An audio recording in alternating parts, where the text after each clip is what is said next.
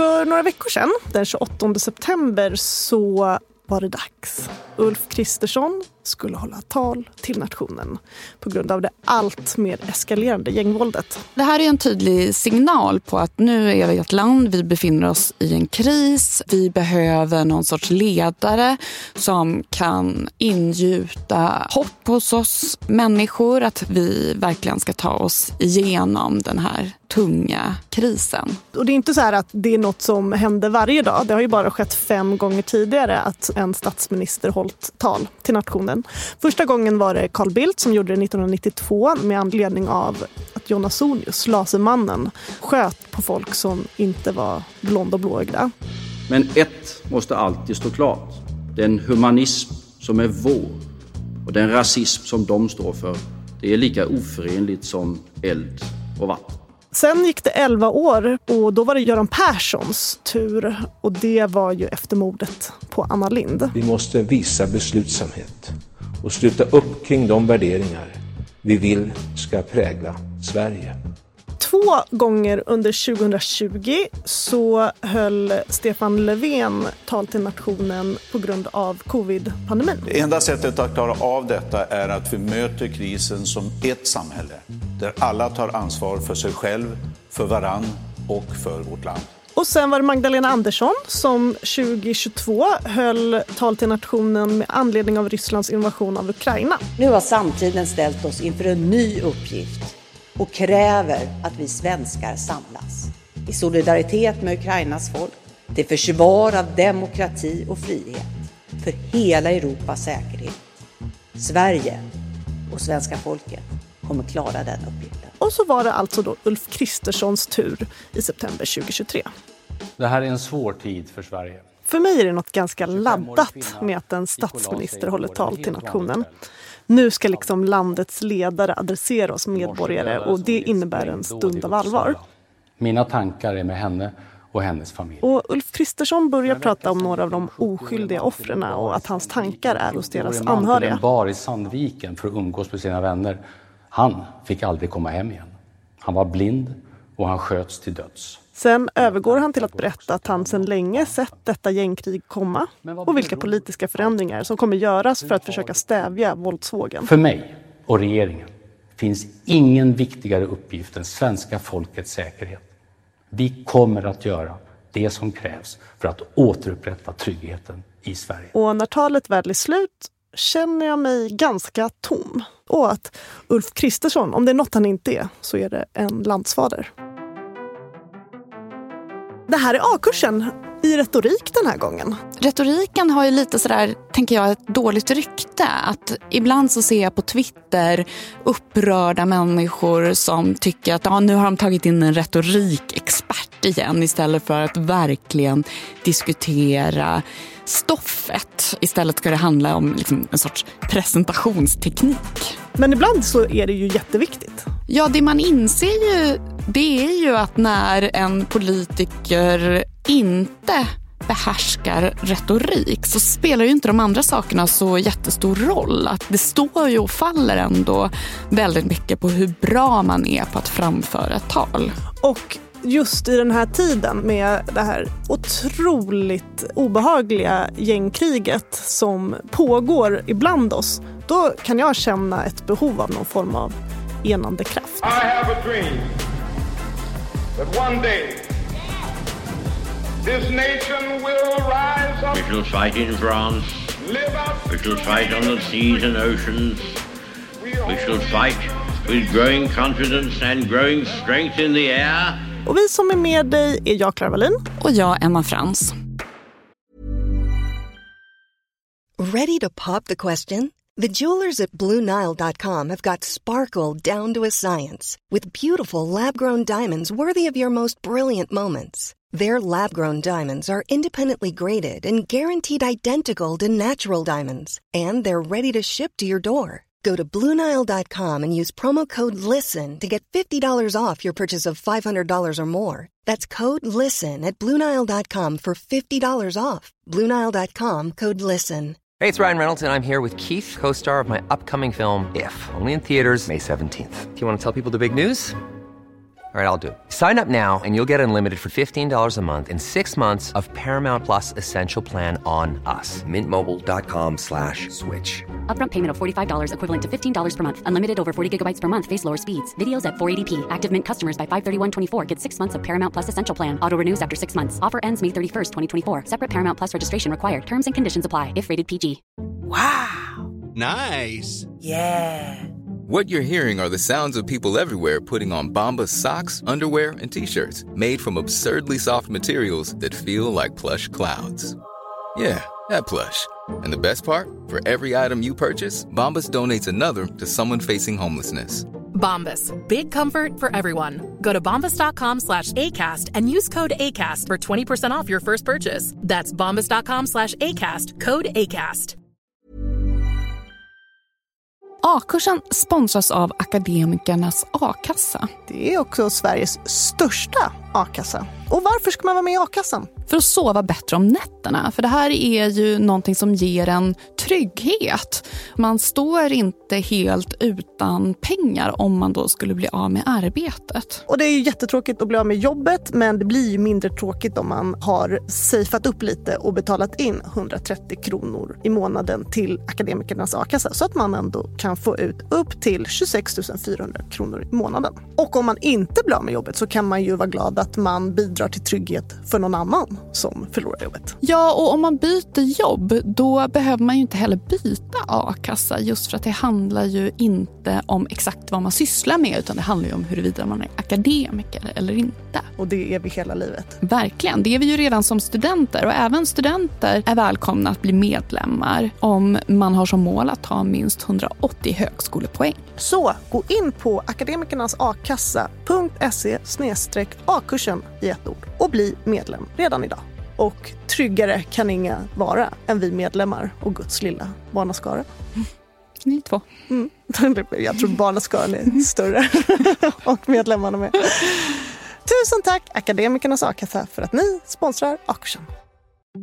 A-kursen sponsras av TCO, Tjänstemännens centralorganisation. Föräldraförsäkringen fyller 50 år i år. Hipp hipp hurra! Hurra för dem, eller hurra för oss. Ja, gud ja. Vi är ett rätt stort gäng som har kunnat njuta av denna föräldraförsäkring som när den kom till kallades för ett vansinnigt förslag av motståndarna. Men den revolutionerade synen på jämställt föräldraskap och utvecklingen mot en mer jämställd fördelning av föräldrapenninguttaget har gått framåt.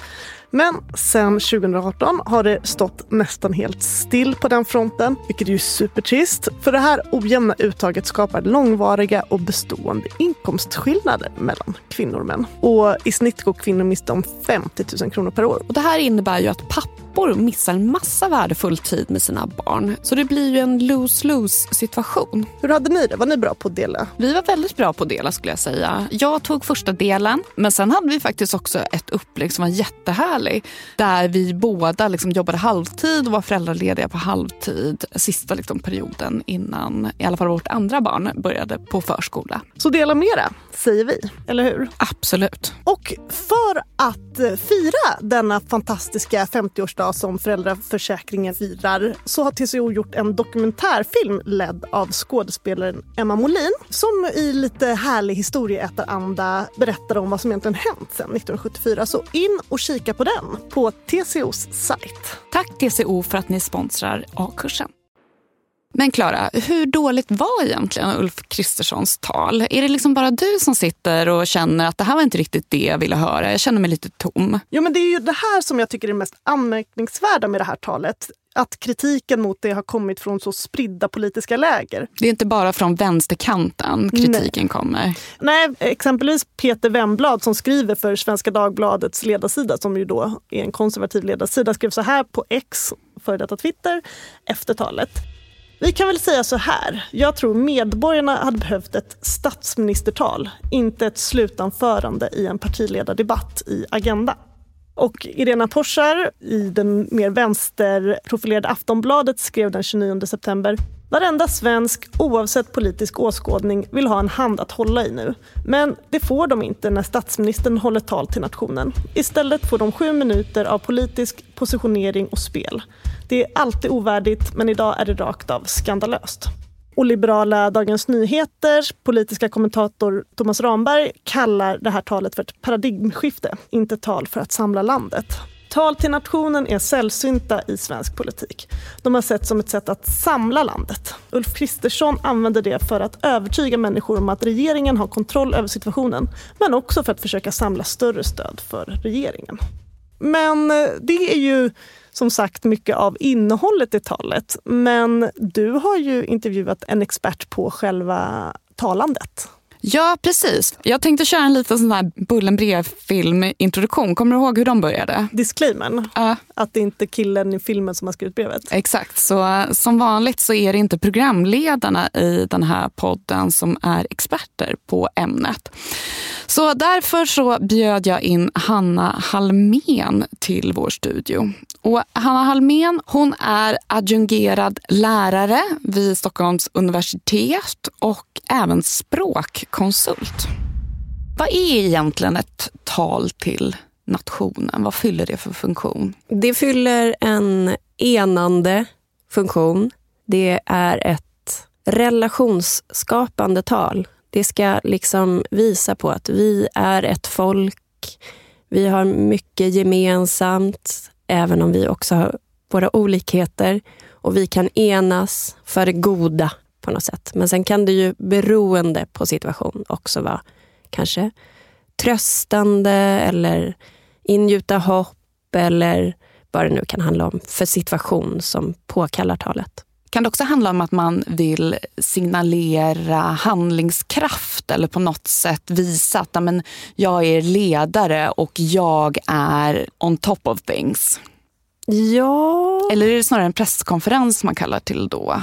Ja, jag tänker spontant att det är lätt att det blir fel om man har fokus på sig själv och hur man själv ska framstå.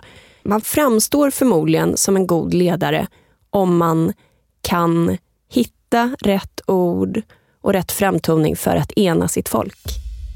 Och vad tyckte då Hanna om Ulf Kristerssons tal till nationen? Ja, men jag var nästan förvånad över hur kritisk hon var. Det är ganska intressant för att ofta när vi bjuder in experter så har ju de en betydligt mer nyanserad bild jämfört med det man läser från olika typer av ledarskribenter. Men hon var faktiskt hård i sin kritik. Kära Ulf. Vi reserverar en plats för dig på praktisk retorik, kvällskurs på universitetet. Välkommen. Nej, men eh, det finns mycket att jobba på där. Mycket som inte funkar, tycker jag. Nu tog jag inte tid, men det är liksom några minuter, kanske två, två och en halv. Då försöker han att eh, ena eller visa mänsklighet och medkänsla med drabbade. Och så Han nämner några olika som nyligen har dött på grund av det här och sådär.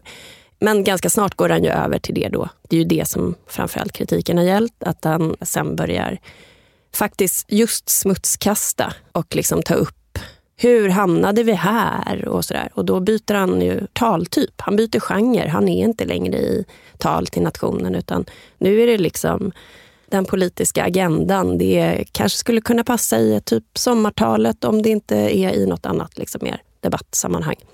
Och sen så också, och nu har vi tagit fram de här olika lagarna. Och liksom, det är ett annat tal. Gör det på en presskonferens. Jätterelevant, men inte i tal till nationen. Så dels innehållsligt, och det är väl det jag har inte följt all kritik, men det har ju många nämnt. Men sen så kan han ju jobba mer med hur han framför även de här första minuterna som ska vara enande och liksom patos starka han betonar nästan varje ord. Det finns så många viktiga ord, jag kan inte ens härma honom, men liksom, det är ett ganska märkligt sätt att tala som han har utvecklat liksom för just i sin talarpersona. Sen så blir det också någonting liksom lite med hans blick och lite hur ljuset faller i glasögon. Alltså det är ju olyckligt ibland med hur man gör med glasögon och så liksom, han ser sig bara ganska hård ut. Eller liksom, och han har samma ansiktsuttryck. Alltså, han behöver hitta någonting lite mer öppet och sårbart och mänskligt. Och liksom. Men framförallt är det innehållet. Hanna Halmén nämner ju ordet patos. Och patos, det handlar ju om känslomässighet kan man väl säga. Hur pass känslomässigt ett tal är. Det är sorts emotionella i det här budskapet. Och Det kan ju vara olika typer av känslor men att det avser att tilltala hjärtat istället för hjärnan. Och patos det är liksom en av de grundpelare som retoriker brukar prata om när de beskriver hur ett bra tal ska vara uppbyggt. Man ska hitta en balans mellan patos, etos och logos. Och patos var då just den här aspekten av att väcka känslor hos publiken. Sen så finns det också logos som då handlar om resonemanget, logiken, faktaargument. Och sen så var ju då den sista hörnstenen etos och det handlar ju då om avsändarens trovärdighet. Och var kommer de här uttrycken ifrån? Ja, de här orden kommer ju från grekiskan. För det här med retorik, det var ju något som till och med de gamla grekerna sysslade med.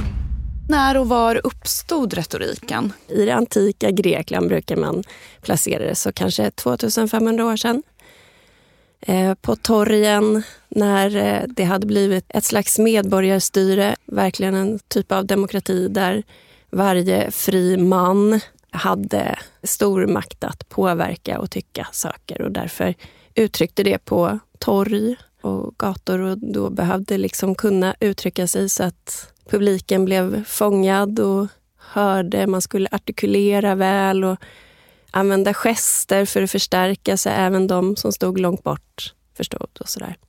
Plus att på den tiden så fick man liksom föra sin egen talan även i rättegångar och så. Så då var det också viktigt att kunna tala för sin sak. Vilken relevans skulle du säga att den här klassiska retoriken har idag? Spelar den fortfarande en roll i våra liv? Ja, alltså vi använder fortfarande mycket av de kunskaper som tänkare då tänkte. De bär vi med oss och så använder vi dem och så använder vi de fina latinska och grekiska orden för det här. Så det finns ju med i det vetenskapliga ämnet och när vi lär ut och så fortfarande. Och de saker som man fick lära sig på den tiden när man skulle bli en bra retoriker, är det fortfarande relevant för den som vill bli en bra talare 2023? Ja, alltså oväntat mycket skulle jag säga. Det vill säga, om man tänker att man står på det där torget och talar och så är det någon långt bort som ska se att så gör vi ju inte nu. Men det verkar som att det funkar ändå. Alltså även i ett mindre sällskap eller med en mikrofon så finns fortfarande skäl att artikulera, betona och visa med gester. Så det är väldigt mycket som vi kan använda även idag. Faktum är att vi är många som såg det här komma och varnade för det. Den grova organiserade brottsligheten har vuxit fram i över ett decennium. På tio år har det dödliga skjutvapenvåldet tredubblats. Det är politisk naivitet och aningslöshet som har fört oss hit. Om man ska sammanfatta lite missnöjet efter Ulf Kristerssons tal var att han var ingen samlande kraft. Något som vi skulle kunna kalla landsfader. Och jag började söka på det här ordet landsfader i Svenska Dagbladets arkiv. Och de första två gångerna som ordet används är 1886 och då handlar det om en och samma person. Första gången är det i en insändare och andra gången ordet används är det under rubriken tidsfördriv med skämtet. Läraren, med vad skäl kan Gustav Vasa kallas den store landsfadern? Han var gift tre gånger. Jättekul. Men eh, det är först tredje gången som ordet landsfader nämns i Svenska Dagbladet som jag tycker det verkligen sätter fingret på vad en sån är.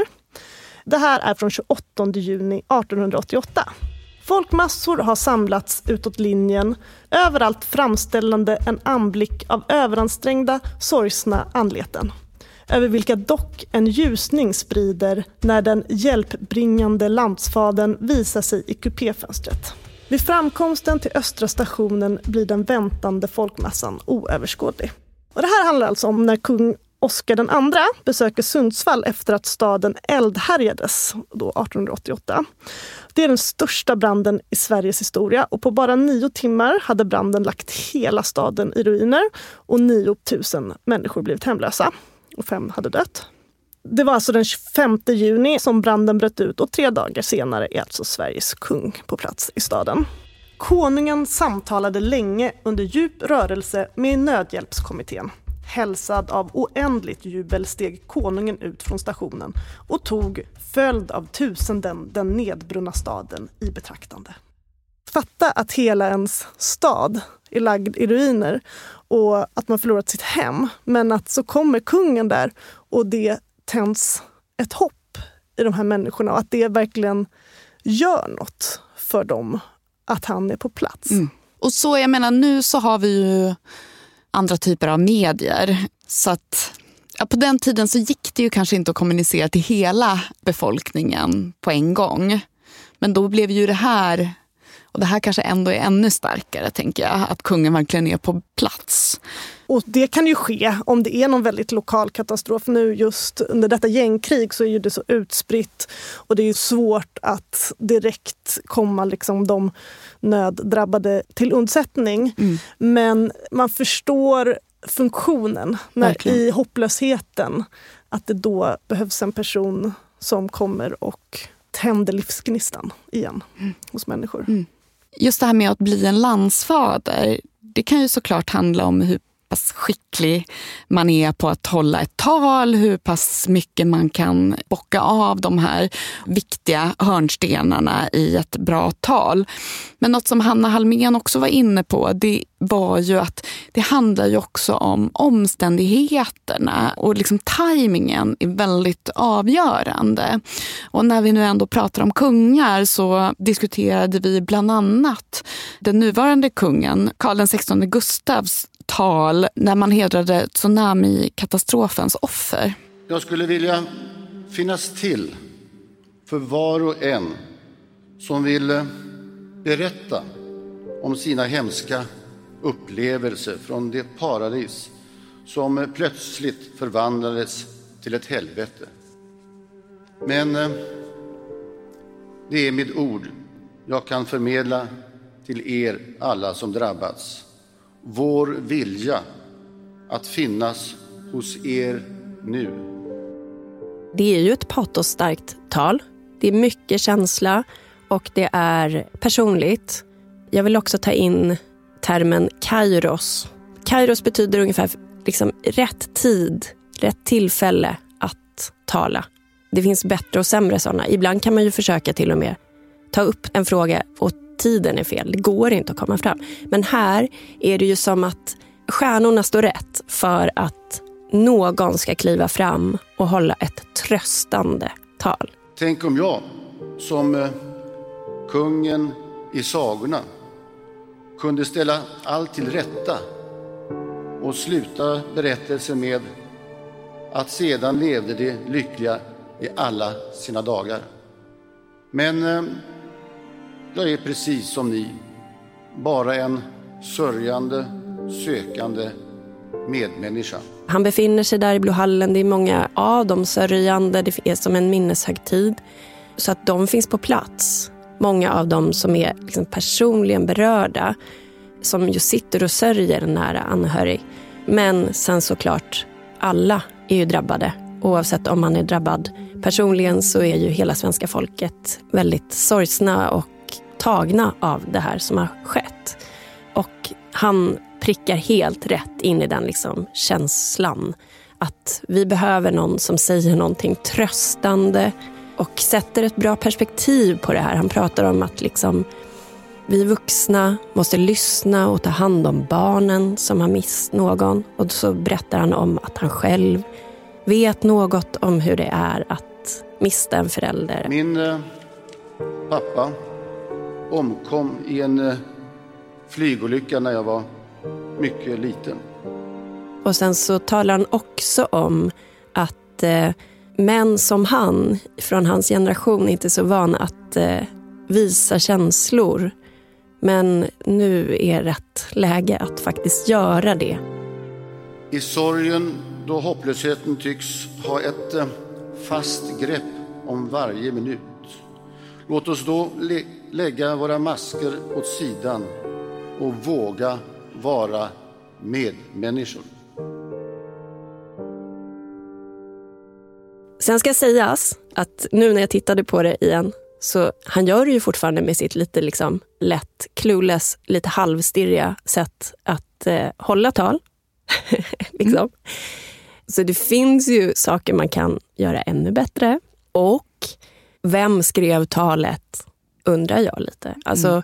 hur mycket kom från honom? Jag är jättenyfiken. Liksom. Just för att vad var det det plockade fram i honom om han faktiskt själv, ja, jag vill säga det här och det här. Sen klart att han har fått hjälp att skriva talet, det är inget konstigt. Men hur mycket var det någon annan som, så här, eller ja, det vore intressant att veta. Är det någon annan som till exempel tog upp det här med att visa känslor eller var det något som slog honom själv i stunden? Samtidigt kan man ju tänka då, och att det här var hans bästa tal, det håller jag med om, även om jag inte tagit del av alla hans oändligt många tal. För han har ju jättemånga hej örebroare tal som är helt irrelevanta för alla som inte bara råkar vara där att lyssna på. Men det är ju situationen som framkallar det här.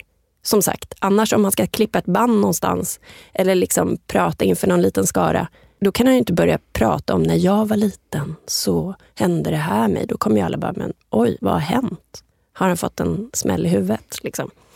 Så att man ska inte underskatta också att vissa sådana där väldigt starka tal kan man behålla när situationen ger möjligheten att göra det det var ju så speciell tid i Sverige då. För besvikelsen i den svenska befolkningen var ju så otroligt stor när det kom till våra politiker. Laila Freivalds, utrikesministern, hade inte alls levererat på det sättet som en utrikesminister bör göra i en sån här situation. Men Framförallt Göran Persson hade inte fattat att det var en så stor kris. Och det var ju också speciellt att Fritidsresors kommunikationschef Lottie Knutsson tog en sån publikroll i att, liksom, lite som Tegnell under pandemin, att vara den som liksom sa sanningen. Mm. Ja, men eh. det uppstod ett sorts vakuum där. Det behövdes någon typ av landsfader i och med att då Göran Persson, som annars är en väldigt... Han är ju känd för att vara en skicklig retoriker. Att han ju inte kunde kliva in i landsfaderrollen i och med att han hade liksom då klantat sig. Eh, det tog för lång tid för honom att fatta att det, hur stor katastrof det verkligen var.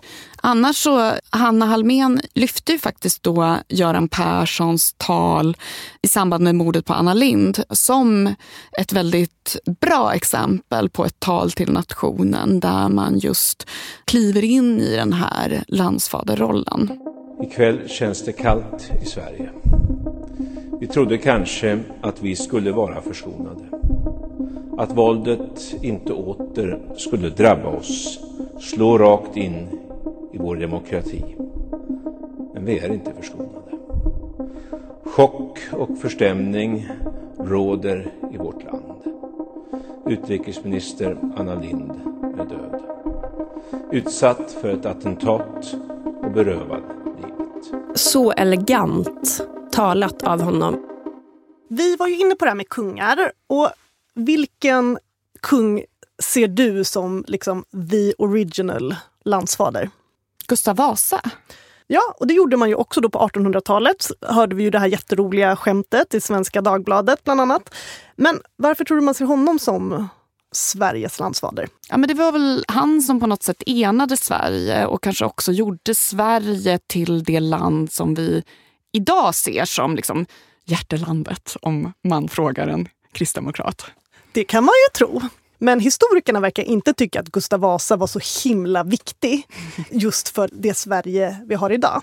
Däremot var han en god retoriker och oerhört duktig på att bygga sitt eget varumärke.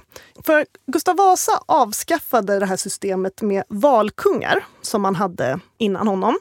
Han bestämde då att efter honom skulle hans ättlingar få ärva hans titel. Och varför ska de få göra det?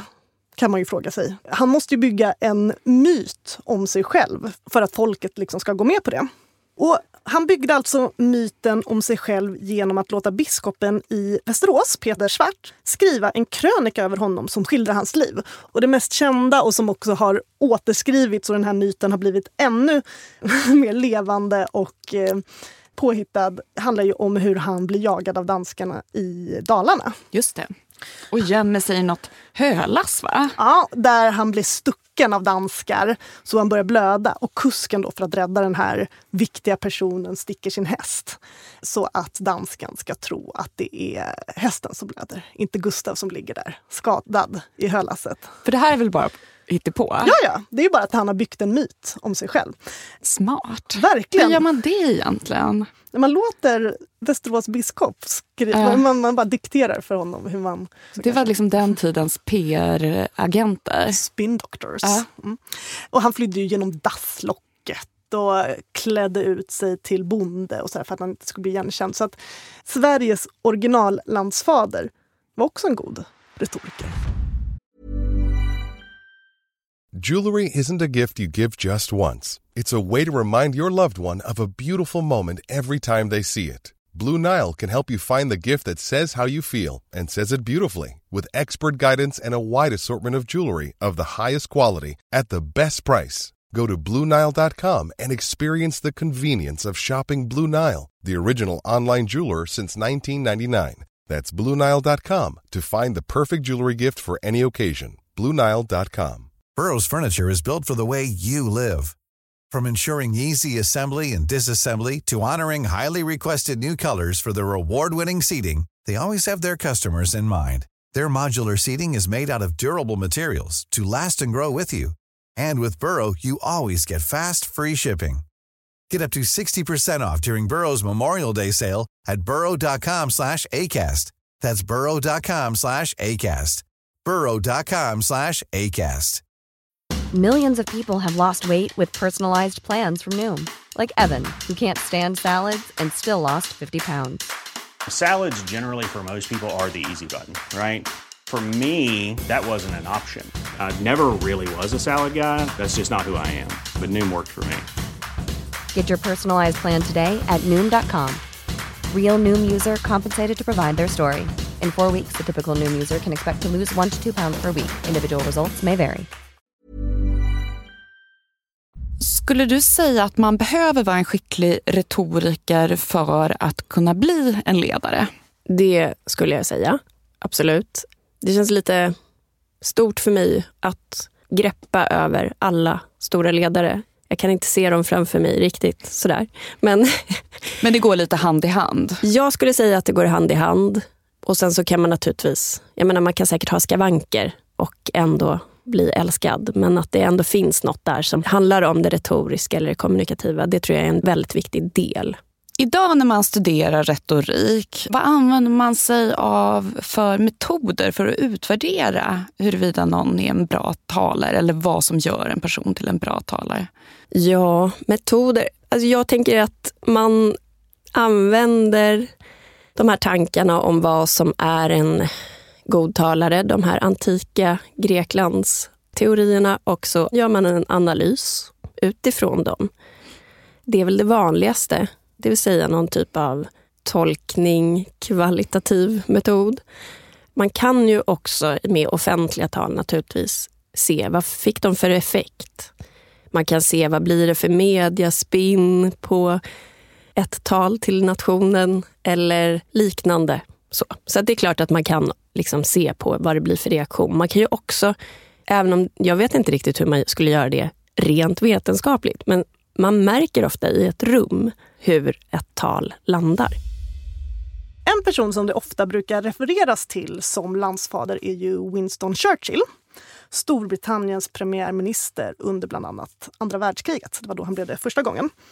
Bland annat refererar Erik Helmersson till Churchill i en ledare i DN 29 september. Reaktionerna på Ulf Kristerssons tal till nationen på torsdagen vittnar inte om att Sverige fått en egen Churchill.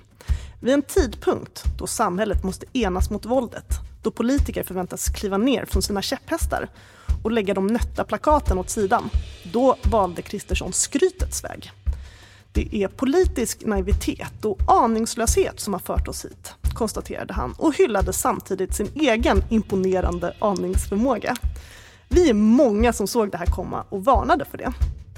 För så var det ju i talet, att Kristersson menade att han sett gängkriget komma sedan länge och det är ju så himla lätt att säga, eller hur? Mm, verkligen. Men därför tycker jag också jämförelsen med Churchill är så kul. För själva anledningen till att Churchill ens blev premiärminister 1940 var för att han under hela 30-talet högljutt varnat för Hitler och nazisterna. Och han var i princip ensam om det i det brittiska parlamentet. Och i det egna konservativa partiet var det till och med många som höll med Hitler och tyckte han höll på med bra saker. Och under den här tiden, på 30-talet, var Churchill i princip ute i kylan efter många dåliga politiska beslut som han tog under första världskriget och under 20-talet. Men, Vad hade han för roll då? Han var marinminister under första världskriget och så han hade liksom en maktposition även om han inte var premiärminister? Ja precis. Och sen kommer jag inte ihåg vilken minister han var men han tog ekonomiskt dåliga beslut som heter något så guldfot, myntet Mm. Alltså det, ja. det, det, är så svårt, jag är ingen ekonom. Men det var i alla fall en anledning till att eh, depressionen skedde. Så att han hade, hade det inte blivit ett andra världskrig så hade man aldrig sett Churchill som någon otrolig landsfader, tvärtom. Men det är ju ändå lite trösterikt att man kan alltid få en andra chans. Ja, om, om man har en Hitler i sitt liv. Kanske. Jo, precis. Eller om man liksom lyckas på något sätt skriva om berättelsen om sig själv. Eller om man står upp för det man tror på även när man inte har andra med sig. Det. För det är så otroligt lätt när Hitler då visar sig vara en grym, vidrig diktator. Det är lätt att ogilla honom då, men att som Churchill har sett det från början. Ja. Alltså det är så maffigt. Mm. Men när då Storbritannien förklarade krig mot Tyskland 1940 så var Churchill återigen välkommen in i värmen eftersom han verkligen sett faran komma. Och då fick han rollen som marinminister igen. Och efter ett misslyckat försök att ta kontrollen över den ockuperade norska hamnen i Narvik, som han själv var med och orkestrerade, så var dåvarande premiärministern Chamberlains förtroende kört i botten och en ny samlingsregering bildades. Och den enda konservativa premiärminister som Labourpartiet kunde acceptera var just Churchill för att han så tydligt hade tagit ställning mot Hitler. Och som premiärminister var ju Churchill en citatmaskin av rang. Och han tyckte att tal var superviktiga. Och för en minuts tal la han en timmes arbetstid. I sitt första tal han höll inför underhuset efter att ha blivit utsedd till premiärminister sa han Jag har inget annat att erbjuda än blod, möda, tårar och svett. Så det är ju det som då har ändrats till idag där man säger blod, svett och tårar. Möda har försvunnit alltså? Ja. Det behövs inte längre? Alltså alla goda ting är väl tre. Ja precis, man ska ju ha en trestegsraket. Tre spaningar. Precis. Så att han var inte så bra. Men det har också Ulf Kristersson sagt på Moderaternas arbetsstämma 2021. Vi vet att vi kan lova varandra tre saker. Blod, svett och tårar. Det vet vi. Och tre veckor senare efter det här blod, möda, tårar och svett sa han vi ska fortsätta in i det sista. Vi ska slåss i Frankrike, vi ska slåss på haven och oceanerna. Vi ska slåss med växande tillförsikt och växande styrka i luften. Vi ska försvara vår ö till varje pris. Vi ska slåss på stränderna, vi ska slåss på landningsplatserna, vi ska slåss på åkrarna och på gatorna. Vi ska slåss i bergen, vi ska aldrig ge oss. Starkt. Verkligen, alltså det är ju som taget ur eh, en eh, krigsfilm. Hollywoodfilm ja. nästan känns det som. Mm. Med något så här bombastiskt, ja. maffigt mm. på. Bakgrundsmusik. Och liksom svepande filmningar över andaktsfulla människor ja. med lite glansiga ögon. Exakt, och lite krigsflygplan som lämnar startbanorna och liksom försvinner ut i det okända. I slow motion. Mm. Och sen, just på tal om flygplan, så tackade han också flygvapnet så här lite senare samma år, 1940. Aldrig i krigshistorien har så många haft så få att tacka för så mycket. Och som vi pratat lite om, så det kan ju vara lätt att fnysa åt retorik. Men hade det inte varit för Churchills samlande och hoppingjutande tal så hade andra världskriget troligen haft en annan utgång och världen varit en sämre plats idag. The German war is therefore at an end. After years of intense preparation, Germany hurled herself on Poland at the beginning of September 1939. And in pursuance of our guarantee to Poland, and in common with the French Republic, Great Britain, the British Empire, and Commonwealth of Nations declared war upon this foul aggression. Men trots det förlorade Churchill valet 1945. Ja. det är inte helt sjukt? Varför gjorde han det då? Har du någon aning? Churchill var väldigt bra på utrikespolitik och just en krigsvurmare. Ja. Men de trodde att Labour skulle vara bättre på att återuppbygga landet efter kriget. Ja. Eh. Och det kanske också var helt rätt i och med att han hade varit lite dålig med kanske inrikespolitiska frågor och så. Nej, för jag tror det var just talet och enandet. Det, där Han var landsfader men Ja. han kanske inte var den här liksom inrikespolitikern. Dessutom, alltså han var ju en god talare, men i ett tal då under valkampanjen 1945 så jämförde han också Labourpartiet med Gestapo. Ja, det var grovt. Så det är ju, han kanske inte alltid... Undrar hur många minuter han hade förberett sig för att få till den liknelsen. Han kanske hade fått lite hybris för Ja. sitt talande och tänkte att det bara Just blir det. bra. Det får man passa sig för. Men sen blev han ju premiärminister Ja. igen. Vilket år var det då? 1951. Ja. Och då hade han ju varit den som förutsåg kalla kriget och hur Mm. viktigt det var att bygga en god relation med Tyskland igen medan de andra vill bara skjuta tillbaka dem till typ ett jordbrukssamhälle. Men det här illustrerar väl också lite just det där att det är i kristider man vill ha den här starka ledande, den här enande kraften. Medan då när det inte är den här typen av hotfulla situation, då kanske man kan istället lyssna på någon som man tror kan visa på en annan typ av kompetens och kanske ja, men, ha bättre koll på ekonomiska frågor eller som har mer progressiva inrikespolitiska idéer. Jag håller verkligen med. Och att det känns väldigt odemokratiskt med en övertro på en stark ledare. Verkligen.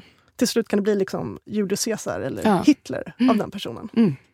Men då kanske inte heller Kristersson ska vara den samlande kraften i den här krisen. Eller vad säger du? Jag såg att Karin Götblad var intervjuad i DN där hon liksom manade till att nu måste folket samlas. Att det, så det kanske kan vara någon annan.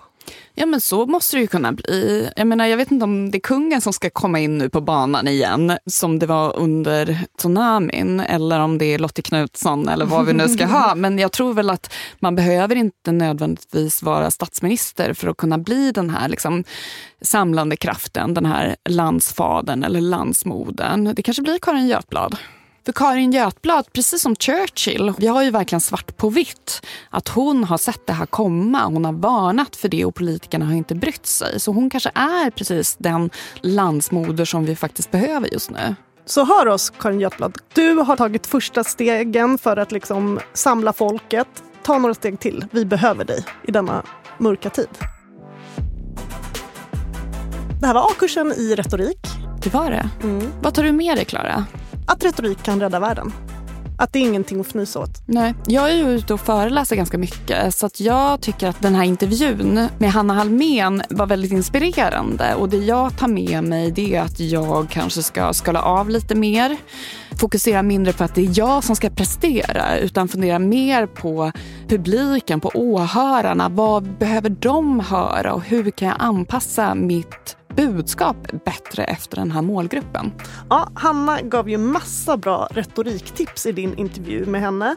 Och den kan man alltså höra i sin helhet i överkursen på torsdag. Precis, för att jag tror att det är viktigt att tänka på det här att även om man inte har ambitionen av att bli en landsfader så kan man ju använda retoriska grepp i sin vardag eller i olika situationer när man ska försöka övertyga en person när man sitter i ett lönesamtal eller något liknande. Eller bara när man behöver trösta någon som befinner sig i kris. Man vill att den personen ska känna att man är just den där trygga axeln som de kan gråta ut på.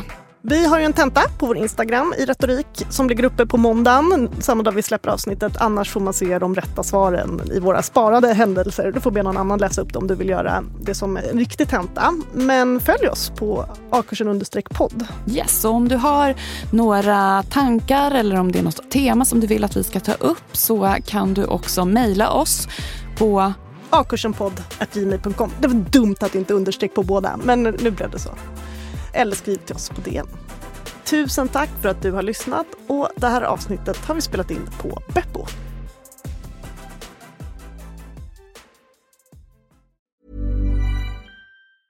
Planning for your next trip? Elevate your travel style with Quince. Quince has all the jet setting essentials you'll want for your next getaway, like European linen, premium luggage options, buttery soft Italian leather bags, and so much more. And is all priced at 50 to 80% less than similar brands. Plus, Quince only works with factories that use safe and ethical manufacturing practices.